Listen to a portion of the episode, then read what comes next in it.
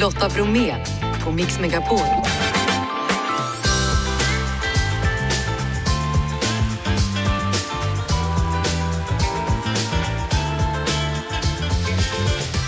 Varmt välkommen in till oss. Ny vecka, nytt program och i vår måndagsmix då, nytt vulkanutbrott på Island. För första gången på 50 år så har lavan nått vägar och bostäder. Fredrik Jonsson bestämde sig för att resa mellan Stockholm och Göteborg med lokalbuss och nu gör hans film succé på Youtube. Det blir poddtips och så pratar jag med mannen som kallas för Sveriges mest optimistiska journalist, Lasse Berg, som menar att människan är god. Och det känns ju bra så här denna Blue Monday. Är du redo Jeff? Ja. Janne? Absolut. Härligt, då kör vi. Han har kallats för Sveriges mest optimistiska journalist. Hans Kalahari-serie om människans evolution har hyllats och prisats och nu sitter han mitt emot mig, Lasse Berg. Välkommen till Mix Megapol. Tack så mycket. Ja, du har alltid intresserat dig för människans evolution och historia. Varför det? Ja, men jag, jag är intresserad av eh, liksom, hur, hur du och jag har skapats här uppe i skallen och det, det, då måste man gå tillbaks till eh, hur vi har utvecklats sen vi skildes från de andra aporna för sex miljoner år sedan och det är himla spännande. Vi kan väl fortfarande ta aphjärnan? Vi har ju 99 eh, procent av alla gener gemensamt med de andra aporna men vi är ju väldigt annorlunda och det, hur vi har blivit och vad, det, vad som drev det tycker jag är, ja, det är något av det viktigaste man kan, man kan fundera på. Ja, ska det göra livet lättare att leva genom att veta det eller kommer det bli ännu svårare? Ja, det är, det är den stora frågan därför att man har ju länge med viss skäl trott att människan av naturen är en ganska eh, otäck typ och det var väl vad jag också trodde jag började rapportera från Asien i mitten på 60-talet och ägnade eh, 60 och 70-talet och sen 80 och 90 och 2000-talet åt Afrika och det handlar ju om alla de alla hemskheter vi gör med varandra. Men sen inser man när man börjar gräva i, i vad vi vet nu att det, det, här är en ganska ny företeelse. Så att jag förstår de som tittar på hur världen ser ut och säger människan är en ganska obehaglig typ. Men eh, faktum är att det är precis tvärtom. Bombar man skiten ur ett folk så håller de ihop. Eh, utsätts man för en katastrof så håller man ihop. Vi är gjorda för att hjälpa varandra. Det är Lasse Berg som jag kallat Sveriges mest optimistiska journalist och man undrar ju Lasse varför? Det har jag inte sagt som någon sorts uppmuntran utan som en eh, fördömelse och, och det, det beror på att, eh, att, eh, inte att jag varit särskilt hoppfull om framtiden men däremot att jag kunnat se att världen under mitt liv har fått det så himla mycket bättre, ofattbart mycket bättre. Den djupa fattigdomen har minskat, demokratiseringen har ökat, antalet eh, dödade i krig eller i våldsdåd har minskat och eh, medellivslängden har ökat med vad är det, 50 år helt ofattbart. Eh, nu vet väldigt många människor att det är så, men när jag börjar berätta det utifrån mina egna erfarenheter av, så, så blev folk lite skakade på huvudet och sa ja, men han är en sån optimist. Så. så, så vilka drag hos människan är det vi ska ta fasta på? Ja, det, alltså jag tror att man ska ta, försöka fundera på vad är det som har gjort oss så himla speciella och då pratar jag om den här eh, gruppen. Men hur kom det här samlargruppen? Varför har inte andra djur på samma sätt skapat grupper som delar mat tillsammans och sånt där? Och Tidigare har man ju då trott, med vissa goda skäl tycker jag, att det, eh, den här sammanhållningen har att göra med hotet från andra grupper. Nu vet vi att det var väldigt ovanligt att folk dödade varandra på den tiden. Vi dog av helt andra saker, vi dog av sjukdomar helt enkelt.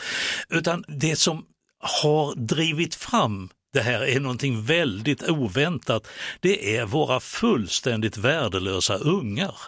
De klarar sig inte själva, alltså en liten Bambi reser sig på darrande ben och sen några timmar senare kan de springa med eh, mamman. Eller, eller en schimpansunge kan sätta sig i, i mammans päls och, och klara sig själv efter några år. Eller en fågel puttas ur boet. Ja visst, absolut. Mm -hmm. Men vi Alltså, vi klarar oss inte på 15 år på egen hand och vi klarar oss inte bara med hjälp av mamman och pappan därför att vi är så värdelösa. Och detta, alltså i betydelsen, kan inte springa iväg, kan inte hitta vår egen mat, måste lära oss enorma mängder i vår, i vår hjärna. Och detta i det här farliga Afrika med massor med, med stora farliga djur, bara tillsammans. Det är så den här gruppen har skapats.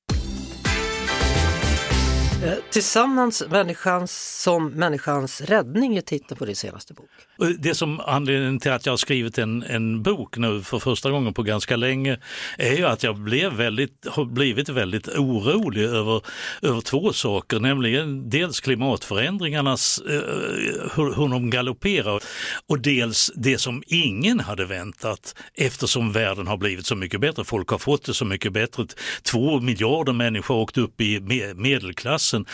Trots detta så är det de här missnöjespolitikerna, de här autokraterna som nu har börjat återta makten efter den här fantastiska demokratiseringen. Och det har skett på de säg, sista 10-15 åren och i boken försöker jag väva samman hur klimatförändringarna och det här hänger ihop.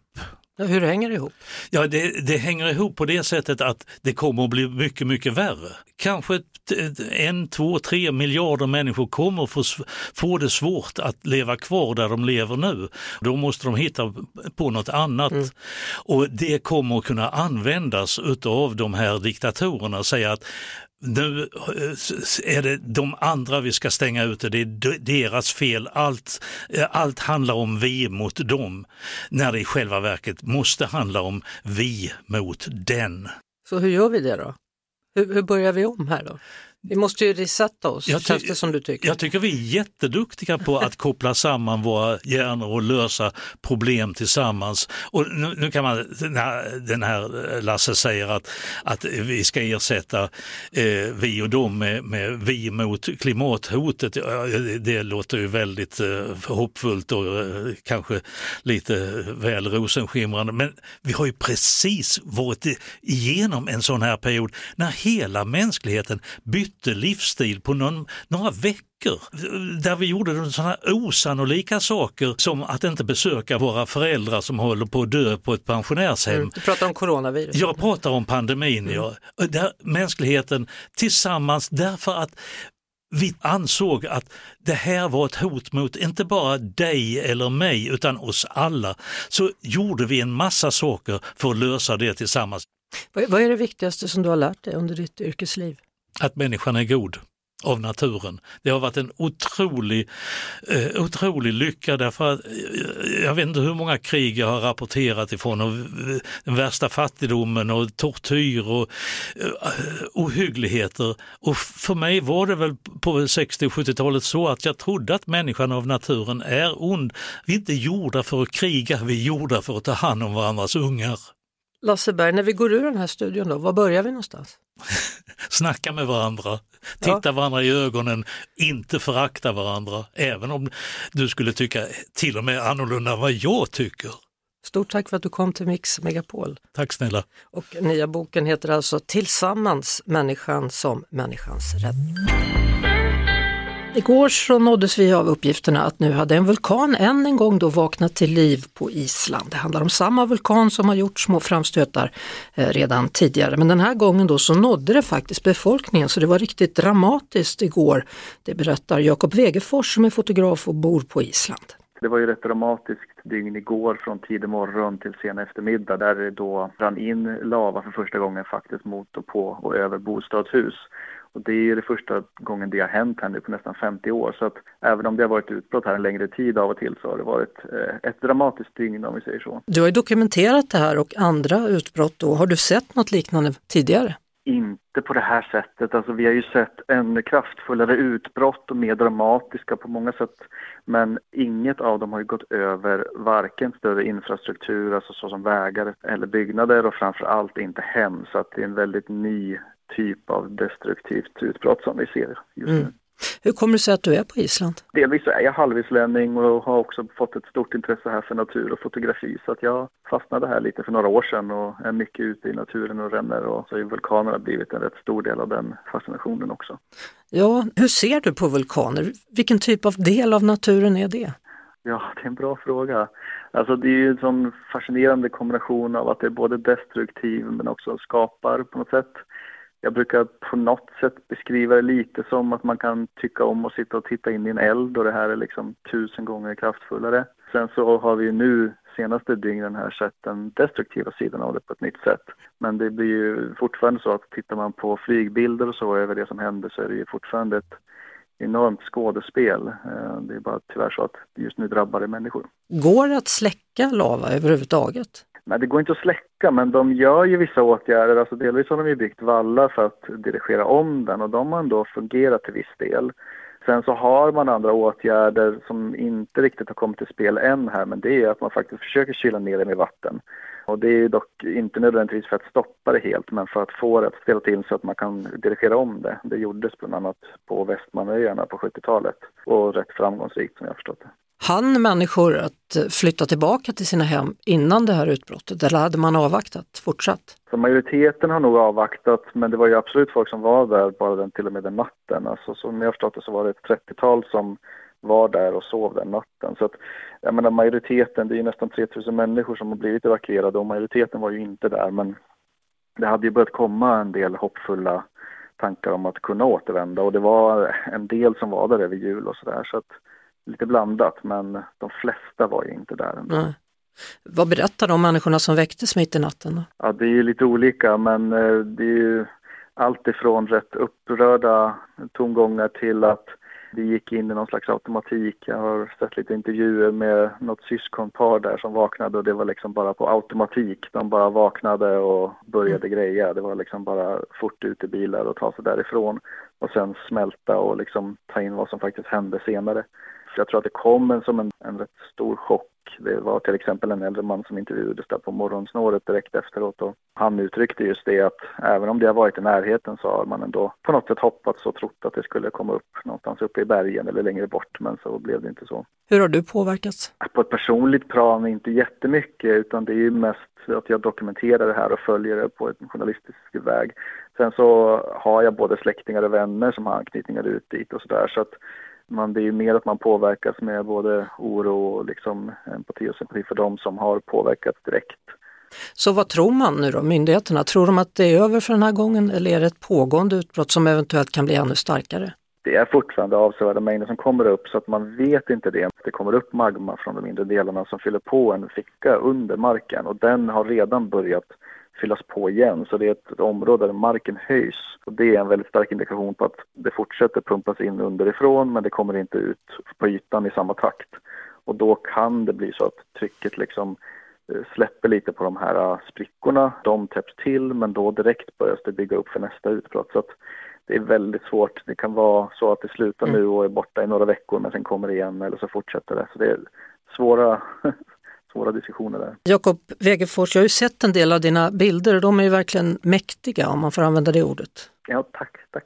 Har du en hemsida eller någonting ifall det är någon som är nyfiken och vill se på din dokumentation? Det är framförallt Instagram där jag lägger upp saker och då är det bara på mitt namn där på Jakob Wegefors. Sen finns det också på vegefors.com om man letar efter det. Tack så mycket för att jag fick prata med dig här på Mix Megapol, Jakob. Tack så mycket. Hej! Hej!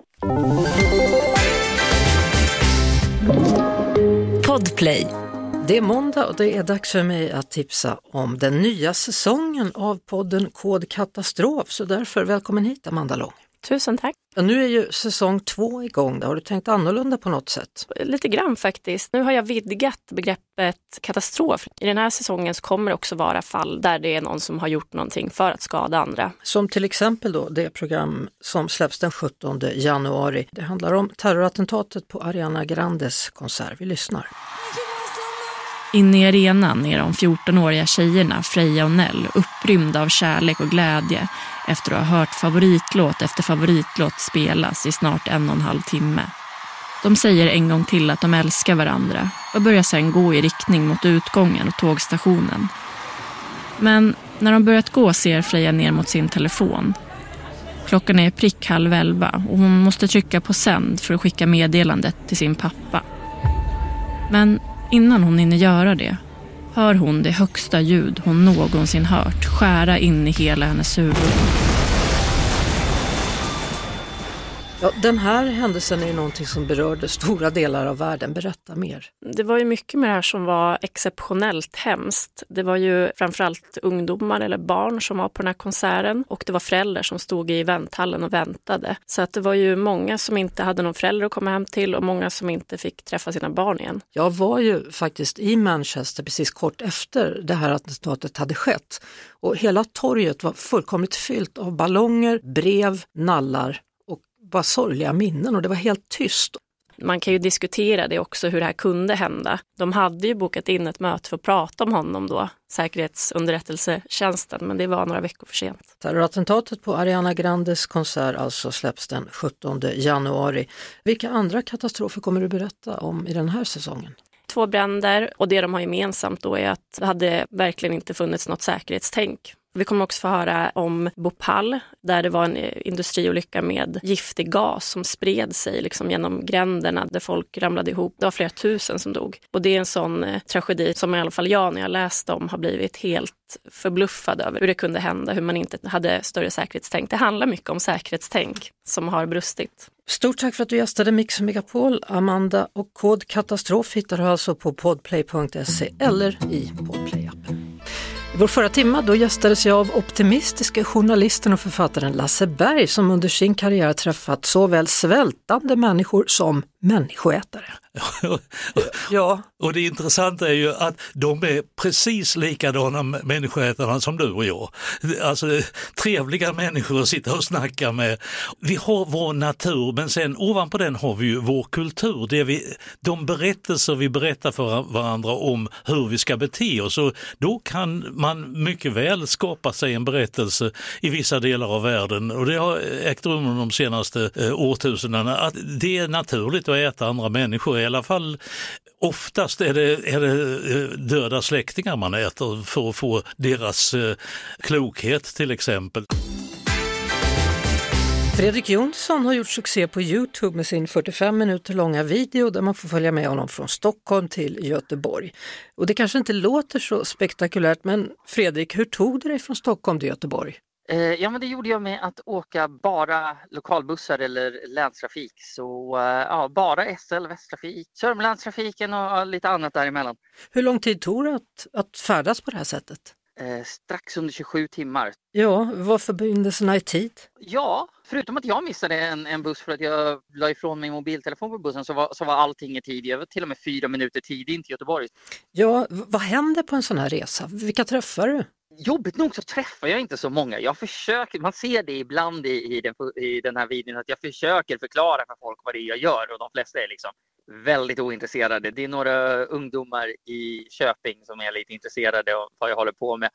Tills jag kommer till en hotellbar vid midnatt och möter några som ändå håll, har hållit igång några timmar och de tycker ju att det här är skitkul. Och så sitter vi kvar med dem i hotellobbyn fram till fem på morgonen och får springa iväg för att ta första bussen. Eh, så det var väldigt kul. Vad, vad kostar det att göra den här resan? 526 eh, kronor gick allting på. Så just den här var ganska rimlig, eller rimlig pris. Jag vet inte, inte, inte svindyrt i alla fall. Liksom. Vilken linje var bäst då? Jag tror att 500, både Örebro, Karlskoga och Karlskoga, Karlstad, den, den linjen är jättekonstig man ska säga. De har samma tidtabell, samma linjenummer, men man byter buss i Karlskoga mellan två olika operatörer. Dubbeldäcken från Värmlandstrafik, jättebekväm. Den ner, liksom större bussen då från Örebro länstrafik, också jättebekväm. Så. Mm. Och sen då, när du väl är i Göteborg, hur tog du dig tillbaka till Stockholm? Jag åkte med tåg till Skövde där min farsa bor och så gick jag och la mig och sov där i några dygn. Sen, sen så åkte jag därifrån och det är faktiskt nästa video, hur jag åkte därifrån. Du, vad blir nästa äventyr? Nästa äventyr jag vill göra som liksom ligger som plan är att folk har tyckt att jag borde göra typ Ystad-Haparanda eller någonting sånt. Så Smyghuk upp till, som är mest sydliga busshållplats, upp till Karesuando eh, busstation som är den mest nordliga busshållplatsen i Sverige. Det hade varit en väldigt kul resa att få göra. Stort tack Fredrik Jonsson som kallar sig för Fred Skronk då på eh, Youtube. Tack för att du var med här på Mix Megapol. Tack själv. Lotta Bromé och den perfekta mixen på Mix Megapol. Michael Jackson, sista låten ut för oss i denna dag då. Det är oss som betyder Jeanette, Lotta, Janne. Och vår producent Jeff Neumann. Vi hörs igen imorgon. Nu tar Erik Myrlund strax över. Hej! Ett poddtips från Podplay. I fallen jag aldrig glömmer djupdyker Hasse Aro i arbetet bakom några av Sveriges mest uppseendeväckande brottsutredningar. Går vi in med hemlig telefonavlyssning och, och då upplever vi att vi får en total förändring av hans beteende. Vad är det som händer nu? Vem är det som läcker? Och så säger han att jag är kriminell, jag har varit kriminell i hela mitt liv men att mörda ett barn, där går min gräns. Nya säsongen av Fallen jag aldrig glömmer på Podplay.